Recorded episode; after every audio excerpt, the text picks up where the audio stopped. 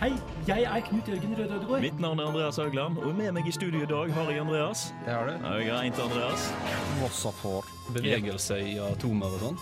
Hvorfor er det åpenbart, Andreas? Fordi vi er best i alt. Vi går videre senere, ja. Faktisk. Korallrevene. Ringkorallrev. Maur lever samtidig som dinosaurene. Det er egentlig kjedelig, Jeg er men I'm James Randy, and you're listening to Unillustrated Science. Science isn't about why, it's about why not. Uillustrert vitenskap tar denne uka for seg konseptet militærteknologi. Vi skal bl.a. snakke om EMP, Rail og Colgun, laservåpensystemer Og I tillegg skal vi se på viktige historiske hendelser som Manhattan-prosjektet. Hjertelig velkommen til nok ei sending med uillustrert vitenskap. Yeah. Mitt navn er Andreas Haugland, og i dag har jeg med meg Andreas i studio. Hei. Og jeg har med meg Martin i studio. Hallo, hallo. Ja, stå på, stå på, holdt jeg på å si. Står- Skjer noe kult? Ja, nå er jeg nettopp kommet tilbake fra Åre, da. Ja. Er det, er det What stays in Aura, stays in Aura, holdt jeg? What happens in Aura, stays in Aura? Ja, Det er vel kanskje noe sånt. Litt mange svensker, da. Litt mange svensker. Ja. Topp stemning det er jo åresesong, og de fleste studenter har vært nettopp i året og kommer tilbake nå denne uka for en hard uh, inn, innspurt i øvingene sine, for å si Ja, det sånn. det blir vel egentlig det. Så ja. Eh, ja, og Vi skal da snakke kanskje ikke så veldig relatert til skole denne gangen, men vi skal innom og snakke om militærteknologi og litt mer sånn søkte konsepter og uh, våpenideer, rett og slett, Ja. uh, innenfor militærbruk. Og det første vi skal da snakke om, er laservåpensystemer, faktisk. Det er, det er spennende, altså. Ja, det er veldig spennende. Og det, du tenker deg kanskje at det er Red Alert eller Star Wars med en gang, eh, men faktisk, dette er et funksjonabelt eh, våpensystem som er tatt i bruk eh, av det amerikanske og det israelske militæret, okay. så vidt jeg Ja. husker riktig. Ja. Eh, men før vi kommer så langt, så skal vi da ta og høre dagens første låt, som er On Lanker Skim av Foxy Jen. This is Richard Wiseman, author of 59 Seconds, and you are listening to Unillustrated Science. Enjoy. Hurtig nærkamp i verdensrommet med energiskjold som brytes ned laserfyrende kanoner, virker kanskje så søkt at man skulle tro det bare finnes i science fiction. Og da har du helt rett i. Eller kanskje ikke helt likevel.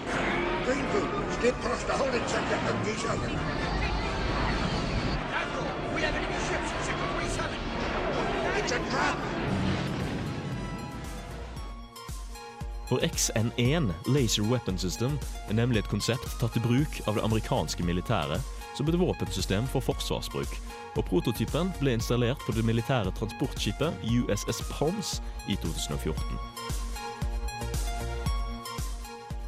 Våpenkonseptet, som er et direct energy weapon, har som mål å generere høy energi og å fokusere denne energien mot et mål som missiler, droner, småbåter, biler og elektronisk utstyr for å sette dette ut av spill. Men til tross for at dette er et laservåpensystem, så ser det langt ifra litt ut som det vi ser i Star Trek Wars eller andre sci-fi-spill. Lås skyter ut en infrarød stråle fra et lasergrid som ved høy energi ødelegger målet. På lav energi så kan det slå ut sensorer og målingssystemet på potensielle angripere. Skalaen energien strekker seg fra, går fra å midlertidig blende personell til rundt 30 kW, som da brenner ut sensorer, kretser, motorer og det viktigste, detonerer eksplosiver i missiler. Det finnes også mange andre futuristiske våpensystemer, som så langt enten er prototyper eller konseptideer innenfor kategoriene mikrobølgevåpen, elektrolasere og energipulsvåpen. Direct Energy Weapon, som eh, lås er, har flere operasjonelle fordeler. Det er like diskré som radiasjon over og under det synlige bølgespekteret, og det genererer ingen lyd. I tillegg er partiklene bare så vidt påvirket av tyngdekrafta. Og det her er jo hele konseptet Laser Weapon System. Eh, det er jo Du skyter faktisk energi mot eh, objektene dine, det du vil ødelegge. Og det er jo veldig bra, for det er jo ingen økonomiske utgifter med skuddet, annet enn at eh, energien du bruker for å sende ut skuddet. Ja. Eh, Du slipper prosjektilkostnader, utvikling av prosjektil, eh, lagring av prosjektil, transport av prosjektil, og ikke minst det å avfyre prosjektilet. Men det det er jo litt avhengig av sånn nettleie og sånn, da. Ja, nettleie. Eh, Har du dårlig strømavtale, så er du litt fucked, dessverre. Ja, Men altså, er dette noe som faktisk kan erstatte liksom, vanlig prosjektilvåpen sånn helt? Stemmer, Nei, liksom? vil jeg tro. Uh, det er først og fremst til å detonere Altså, du varmer rett og slett opp ting, sånn at du detonerer eh, en missil, f.eks., eller du ødelegger en motor, eller du slår ut sensorer ved å brenne kretskort og sånt. Ja. Uh, og det er jo, som jeg nevnte var hvis du fyrte av dette våpenet på lav effekt, uh, så kunne du blende eller midlertidig blende personer. Da. Ja, uh, så personellangrep. Så det, det amerikanske forsvaret har klassifisert dette som kun et forsvarsvåpen, rett og slett. Ja. Um, og De viste òg en demo da, der de faktisk eh, rett og slett satte fyr på en ubemanna drone. Da, altså ved at de bare retta kanoner mot den. Eller, og eh, så viste de òg en demo der de eh, ødela en liten eh, båt. En liten lettbåt. da. Mm. Ja, så. Det, det er det er utrolig kult. Det er eh, potensielt framtida for forsvar. For du, det er så presist rett og slett at det kan innsette hurtiggående missiler. Men uh, jeg ser jo for meg at det kan brukes til andre ting enn bare militært forsvar-ting. Altså, ja, ja, ja, en bærbar mikrobølgeovn, for Ja, eksempel. sant, sant, nettopp. Du kan sette nudelboksen din på ene sida av bordet, og så kan du skyte på den. Et annet eksempel på det, det er noe um, som ble utvikla i 2007. Eller ideen ble introdusert i 1980, så heter så de kaller for WMD, som heter Weapon of Mosquito Destruction. Oh, er det det Bill Gates sitt prosjekt? Stemmer. Og den er såpass presis at den faktisk kan treffe moskitoer på opptil 30 meter. OK? Altså så- single target-fyring, Ja. rett og slett. Men altså, den er jo Altså, Grunnen til at jeg ville utvikle det, er pga. av å redusere malaria. da. Ja. Altså, I hvert fall i områder der det er mye malaria. Så hvis du reduserer antall mygg eller moskitoer, så det er effekten av det. Da Du Ja. vil malariaen gå ned. Så, så det er ikke for white people på campingturer og sånt. Så det er hovedpurposen da. Ja, vi kan sikkert bruke det til dag, Ja. hvis det funker. Men du har jo òg litt sånn andre lavscale-ideer som ligner på det der. da, Som er, um, jeg vet ikke helt hvilken frekvens lyset er, men jeg tror det er i nærheten av UV-spekteret. eh, som da er Du setter det i nærheten av teltet ditt, og så zapper det mygg som er, kommer for nært. og sånt. Ja, riktig. Ja, så det er litt sånn low scale, uh, samme produksjon. Kult. Ja, eh, meget, meget. Eh, og dette her eh, konseptet eh, Jeg vet ikke Hvor presist tror du det kan være, egentlig? Jeg vet ikke, opp til nærmeste pluss-minus to millimeter. Pluss to millimeter Ja, OK, ja. Jo. eh, ja, jeg, det- tror, jeg tror vi er nede på nanometerskalaen, altså. Såpass, ja. Vel, jeg håpte dere faktisk visste det, for jeg veit ikke. Men det er veldig presist. Eh, og det er jo det. Uh, frekvensspekteret. Det var det som var litt overraskende. Uh, det sendes ifra Jeg mener det var rundt 30 hertz, som var veldig lavt, syns jeg, Mm. til 300 gigahertz, oh. som da er frekvensspekteret i, i bølgene som blir sendt. Vi skal da over til et litt mer kanskje kjent, etablert konsept som har eksistert litt lengre enn laser. Uh, og det er da litt mer uh, fantasy eh, coil og railguns, uh, som Martin skal snakke om lite grann. Eh, men før vi kommer så langt, så skal vi høre 'As Far As I'm Concerned' av Einar Stray Orchestra. Scientists, scientists, please. Looking for some order. Some order, please, with the eyes forward and the hands neatly folded and the pang of attention. Pi is exactly three. Uillustrert vitenskap. En gang i historien fant man ut at hvis man lager en eksplosjon i et lukket kammer, vil det skape nok energi til at man kan sende et prosjektil så raskt at man ikke lenger kan se prosjektilet. Det tok ikke lang tid før man begynte å rette den mot folk man ikke likte, bygde videre på konseptet og kalte det en kanon. Men en rekkevidde på flere kilometer var ikke alltid nok, og snart ville man sende prosjektilene i høyere hastigheter og over lengre distanse. Coilguns og railguns har lenge vært i notatblokkene til oppfinnere og våpendesignere. Og i det siste har prototyper av disse kanonene begynt å dukke opp. Både railguns og coilguns bruker elektromagnetisk kraft til å skyve et prosjektil ut av et løp. Dette kan forklares ved hjelp av høyrehåndsreglene innen elektromagnetisme, som sikkert er kjent for alle elektroingeniører. Den første regelen er hvis man med høyrehånden knytter neven litt løst og gir tommelen opp, vil tommelen vise retningen på strømmen, og resten av fingrene vil vise retningen til magnetfeltet. Den andre regelen er hvis man, igjen med høyre hånd, knytter neven, peker fremover med pekefingeren, peker til venstre med langfingeren og oppover med tommelen, vil pekefingeren vise retningen til magnetfeltet, langfingeren vise retningen til strømmen, og tommelen vil vise retningen til kraften eller bevegelsen. Forskjellen på coilguns og railguns ligger for så vidt i navnet. Coilguns fungerer at man f.eks. surrer kobbertråd rundt en sylinder og sender strøm gjennom kobbertråden. Dette vil ifølge høyrehåndsreglene danne et magnetfelt og en kraft som kan sende et magnetisk prosjektil ut av sylinderen. Railguns bruker to parallelle skinner som det går strøm gjennom. Et prosjektil vil kortslutte skinnene, og den resulterende retningen strømmen tar, vil lage en kraft som styrer et prosjektil fremover i henhold til høyrehåndsreglene. Så om du planer om å ta over verden litt her og litt der, så er du kanskje litt nærmere. Kanskje. Du kan også bruke den til noe fredeligere. For du vet, som eh, Edvin Starr sa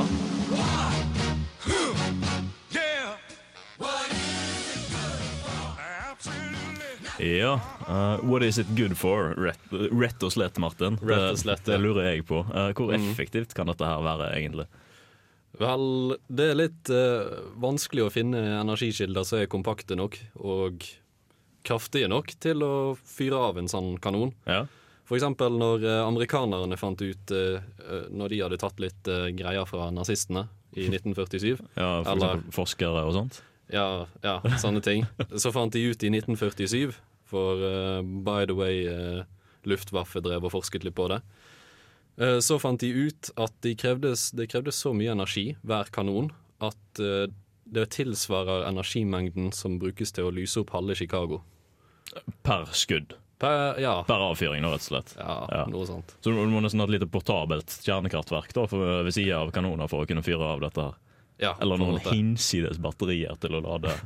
Ja, så håndholdte kommer ikke med det første. Det kommer ikke med det første, nei. men de har, de, har tenkt, ja, de har tenkt å begynne å sette det på båter snart. Jeg vet ikke så veldig mye mer om når de har tenkt å sette det i bruk. Ja, det husker jeg så i Transformers eh, 3-filmen. Ja, det der var sånn det. eh, topphemmelig amerikansk forsvarsgreie. Så hadde de en Cambo railgun på toppen av et skip. Det kan jo godt hende de har det. Så skjøt de vet? over halve verden. Og, og såpass, ja. Men de har, de har jo klart å lage en, uh, men den står jo inne i en bygning, og jeg vet ikke helt hvor store batteriene er til den, og hvor uh, mye energi den bruker. Men den kan i hvert fall skyte et prosjektil i 2500 meter per sekund. Det er ganske raskt, det. Det Det er nest, kjapt, altså. det er nesten maks syv. så uh -huh. tilnærmet syv ganger lydens hastighet. Ja. Men altså, hvor lenge, hvor lenge er det de egentlig har holdt på med dette? her? Jeg kan si coil gun er jo faktisk en norsk oppfinnelse. Eh, Den ble oppfunnet av han eh, godeste Christian Birkeland, Ja. som Ja. kanskje er mer kjent som eh, i duoen Birkeland Eide. Og Birkeland Eide-prosessen som gikk eh, videre til Norsk Hydro. Hvor andre steder har vi sett uh, Mr. Birkeland?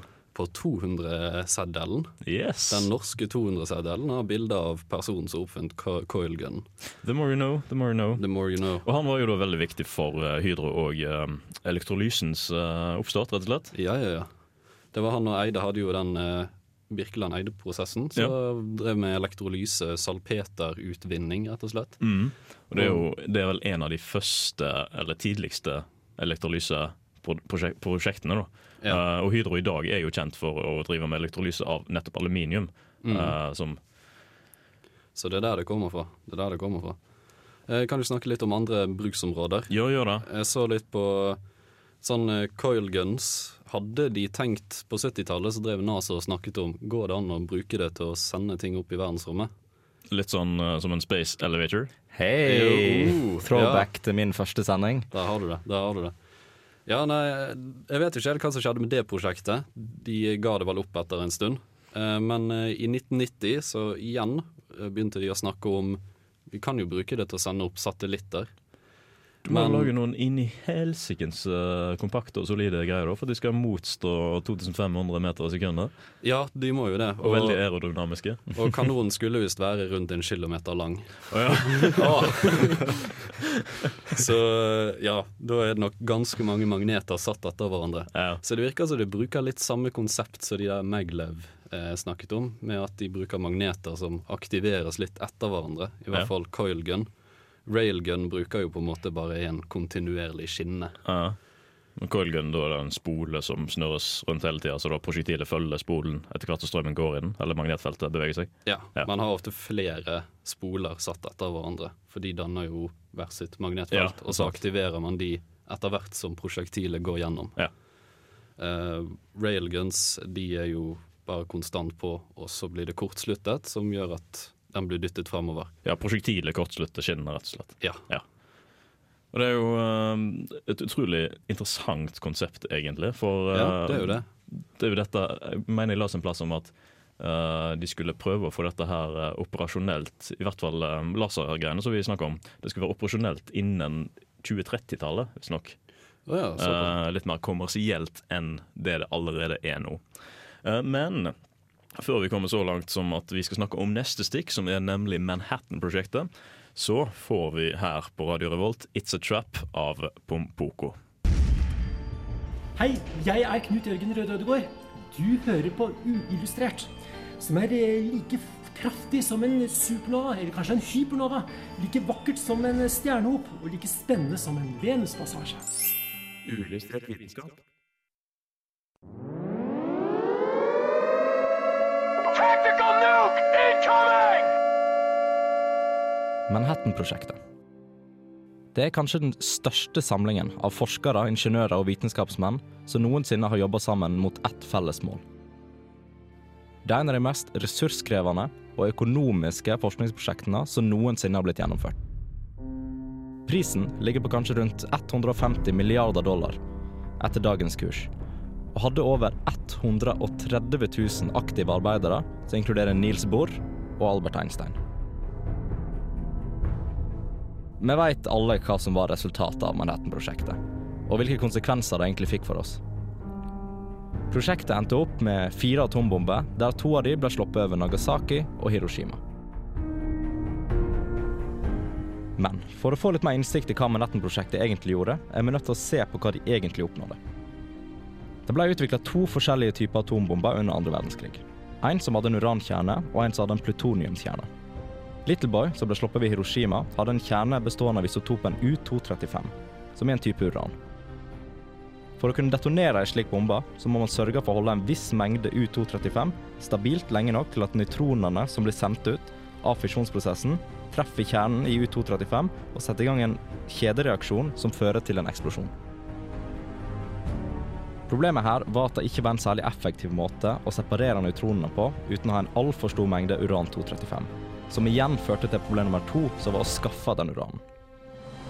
Ca. 0,7% av all uran var 235, mens resten var 238, som krevde altfor mye fisjon til å kunne brukes effektivt. Dette gikk mye av tida på under Manhattan-prosjektet.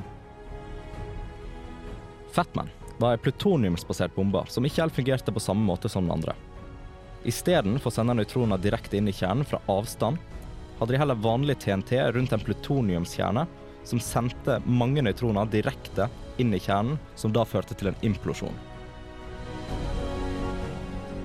Vi har mye å lære fra et så omfattende prosjekt. Men det er ganske interessant hvordan menneskets destruktive tendenser kan føre til de største gjennombruddene innenfor vitenskap.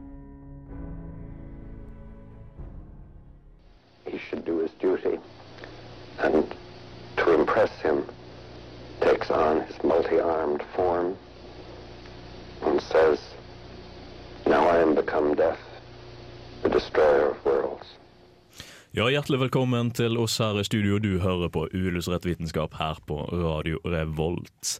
Ja, dette her er jo da Manhattan-prosjektet, som veldig mange kjenner fra Civilization eller fra historiebøkene sine. Forhåpentligvis best fra historiebøkene sine. Og det er jo et prosjekt der, eh, som du sa, veldig mange kjente vitenskapsmenn samles, eller både flykter fra Tyskland, Nazi-Tyskland, og samles i USA for å utvikle nettopp atombombene. De Mm. første atombombene. For det, altså, Når man tenker på historien bak det, så er det jo utrolig hvordan de først klarte å samle så mange folk. Det er hinsides mange folk som Ja, jobber på ett forsøk. 130 000 arbeidere Aha. til sammen. Usch. Det, Det, det visste jeg ikke. Jeg sa det jo nettopp da, Martin. um, altså, du nevner eksempel Albert Einstein, han, han flykta jo, han var jo jødisk, så han flykta jo fra, ut fra Tyskland Mm. for å være med på dette. her. Det var liksom hans motivasjon. da. Men én ting jeg nett vil kjapt rette på fra saken min, det var at um, jeg sier at det er 0,7% som er uranium-235, um, og at resten er uranium-238. Ja. Men det stemmer ikke. Det stemmer heller ikke. Nei, for det finnes uh, selvfølgelig mange andre Isotoper. Ja. Ja. Uh, men det er primært 238. Ja, det, det si. stemmer. det stemmer. Mm. Uh, ja, eh, hvilke positive ting har vi fått ut av Manhattan-prosjektet? Vi har egentlig fått veldig mye positivt ut av det. ja. Ja, det, er bare, at det er ikke bare atombomber og hydrogenbomber. det er ikke bare 185 000 uh, dødsfall. Men, Nei. eh, Nei. men uh, det de for har fått ut av det, det er veldig stor utvikling innenfor forskning på dette. her. Mm. Altså det at de klarte å samle Ja, de har drevet på og forska på dette, her, og så at de har lært så mye på så kort tid. Det er egentlig det som jeg synes jeg er mest imponerende med hele Ja, ja, for Prosjektet gikk ikke over veldig mange år. Det tok jo veldig kort tid fra de hadde vanlige konvensjonelle bomber til de hadde atombomber. Mm. Og det er, jo, det er jo et stort hopp. Veldig stort hopp. Det minner jo egentlig litt om hoppet mellom eksempel Ja, for jeg vet, jeg husker ikke hvor mange år det var mellom flyteknologi og romskip. Det var faktisk ikke så mange år. Nei, det var ikke så mange år heller. Det første flyet kom vel tidlig 1900-tallet, Uh, like like før den første verdenskrigen. Mm. Uh, og så ble det jo brukt under krigen da, til uh, renessans. Nei, ikke hva- rekronesans heter det på Ja, finnorsk. riktig. Eh, og så, ja, etter andre verdenskrig så hadde du romfart. 60 år. Det er 60, ja, litt over 60 år. Mennesker er flinke, altså. Ja. Vi er, vi er noen tullinger av og til, men vi er ganske flinke. Flinke nå mot invasjonen krig, Ja, dessverre. det, det er litt trist. Men um, noe annet positivt som de har fått til, det er f.eks. innenfor medisin. Ja. Altså Når de først begynner å forstå hvordan radio, radioaktivitet fungerer, hvordan nukloder fungerer, isotoper og sånne ting, så fikk de Altså, de perfeksjonerte røntgen. Mm. Um, de jobber med altså, kroppsskann og ja, egentlig veldig mye innenfor medisin, da. Men samtidig òg innenfor uh, lærte jeg veldig mye innenfor atomkraft. Ja. Altså da kunne jeg gjøre dette skikkelig om til elektrisitet. Da faktisk benytta det som et potensial for uh, gode ting. Ja, og det er jo Jeg syns det er veldig interessant. Ja, ja. uh, og i tillegg så det mest åpenbare som kom bra ut av det, var jo selvfølgelig å stoppe nazistene fra å ta over verden. da hadde det vært litt kjedelig. Nå, nå var jo nazistene slått før atombommene atombombene ble sluppet, da. Ja, men, ja, for det var vel egentlig helst eh, Det var- Japan som ikke ville gi seg, var ikke noe sånt? Jo, ja, det er omdiskutert. Ja, det er, om det, for det, det er mye detaljer som går litt i søret der. Ja. Men uh, ja, for nazistene ble jo stoppa veldig mye av russiske invasjon osv. osv. Men ja, det var i hvert fall med på, Ja. på å gjøre det bedre. da. Ja. En annen konsekvens av at atombomber blir sluppet, er jo en litt en annen militær eh, teknologisk eh, konseptidé som kalles for elektromagnetiske pulser. Ja, stemmer. Eh, og det er jo en, Av nukes, eller atombomber, da, så kommer jo det det som er da forskjell mellom spenninger i utladningen eller noe sånt, som slår ut kretser. Og, Ja, jeg mener det, da. Ja, ja. Ja. Uh, og EMP-er, det, det finnes jo i mange forskjellige eh, tilstander, rett og slett, eller årsaker til hvorfor det skjer. Mm. Uh, og nesten alle som blir avbilda på filmer og serier og av medier, er feil, faktisk. Ja. Uh, for det du ser, er jo gjerne det at du slipper ei bombe som sender ut en puls, og som slår ut alt sammen eh, i hele verden av elektriske uh, duppeditter. Men uh, det egentlige greiene er at det er kretsene, små, små kretser, som gjerne kommer i kontakt med hverandre, eh, som slår hverandre ut. Også. Og du Mm. kan få EMP i så mangt, av så mangt som til og med vanlige analoge fysiske motorer. Uh, altså, det er jo mer eller mindre en kortslutning. ja, det er faktisk det det. Nøyaktig Ja. det det. Eh, og du, kan, du har jo da motorer, DC-motorer, og AC-motorer. De kan slå seg sjøl ut pga. destruktiv uh, EMP. Ja, så er det også litt viktig at eh, eh, lengden på ledninger har ofte noe å si, for jo lengre en ledning er, jo større sjanse er det for at den fungerer som en antenne for en EMP. Jo større sjanse er det for at den kan bli slått ut. Ja. Så korte ledninger, sånn som for eksempel i ja, armbåndsur, armbåndsur vil mest sannsynlig overleve. Ja, ja. Uh, og det er jo det, det som kanskje har vært mest spekulert i, at det er den mest farlige årsaken til en EMP, er jo pga. solstormer. Ja, riktig. Eh, fordi då, Det som skjer da, er at plasma fra sola blir slengt ut i verdensrommet, og den plasmaen har med seg sitt eget magnetiske felt. eh, og solvinden tar det med seg mot jorda, og så treffer det atmosfæren, og så slår det ut. ting. Det er jo det som er mm, det siste skumle fryktende ting, at det skal komme en massiv solstorm som slår ut eh, alt. Ja, for det har jo vært mye eksempler opp gjennom tidene der det har skjedd. Ja. Altså der Det har kommet, altså, det, veldig, det slår bare ut veldig små områder, da. Men det er jo faktisk noe som har foregått. Nordlys kommer jo av det. Solstorm. Ja, Så- det er pga. av en solstorm. Det er riktig. Det er partikler som treffer da de områdene. Uh, vi skal runde av dette stykket, og vi skal da høre Hey Kids av Boomayer. Uh, Run the Jewels var artisten. Tyngdekraften. Å ja, han har jeg hørt om. Galileo Galilei. Det er jo for godt til å være sant. Lars Monsen. Dette setter jeg pris på, ass. Tycho Brahe. Mm. Ah. Krass fysikk.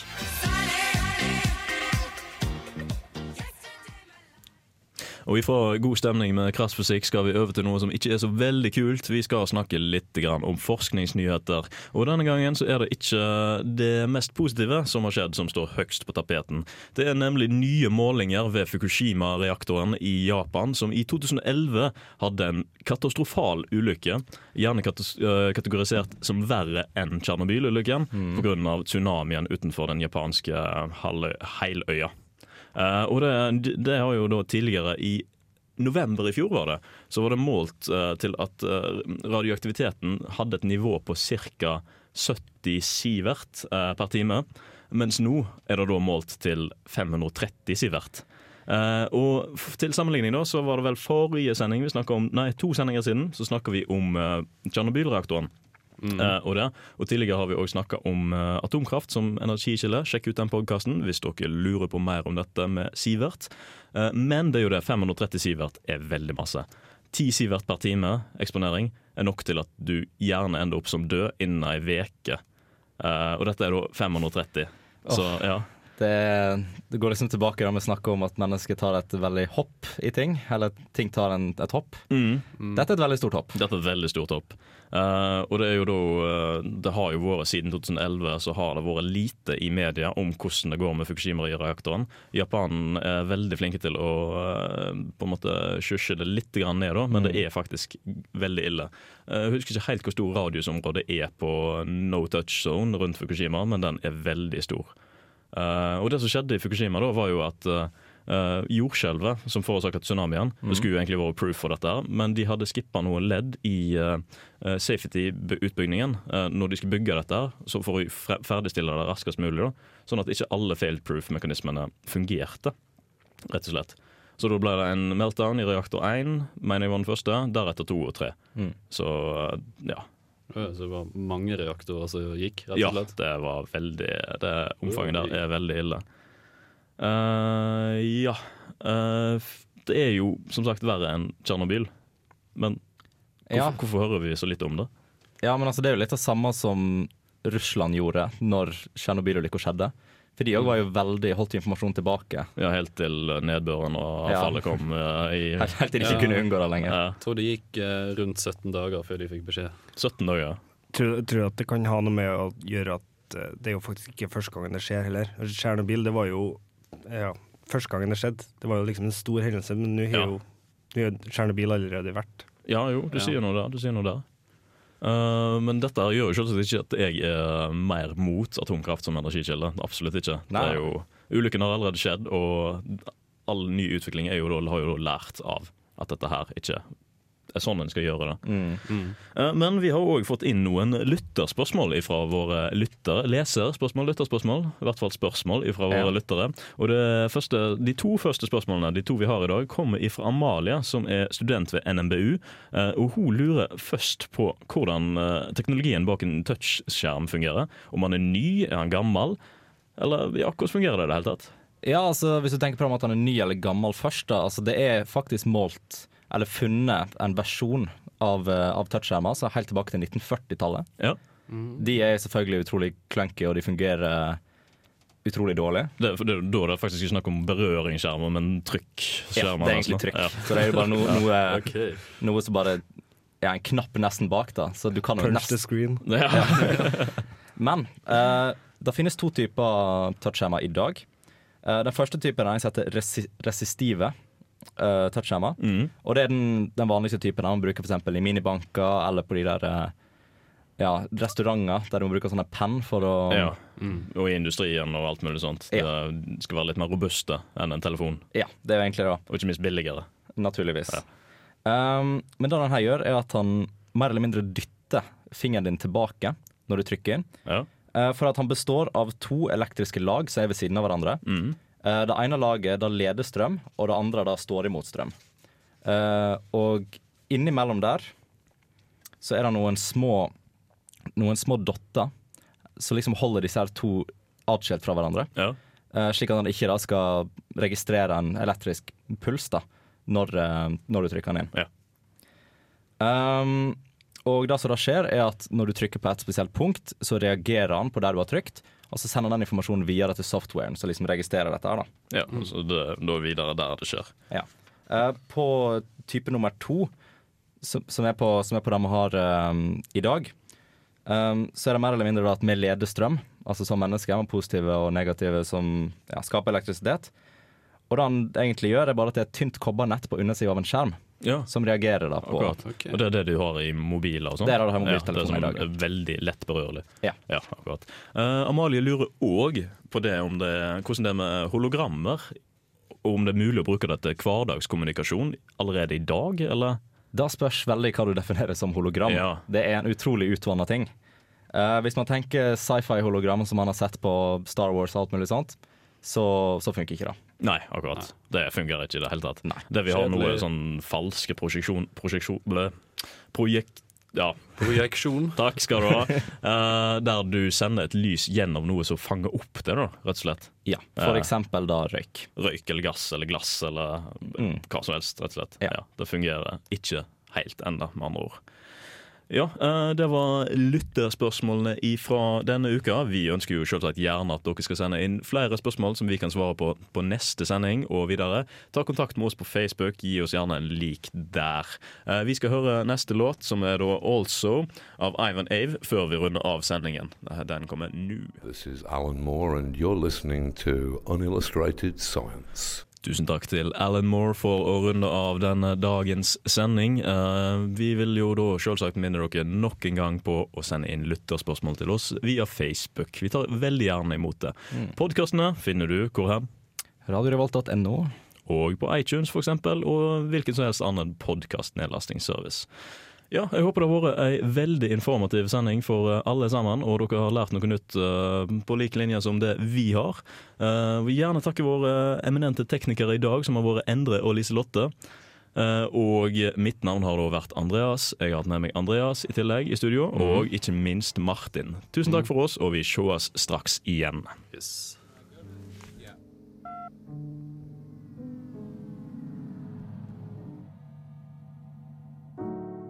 comedy of man.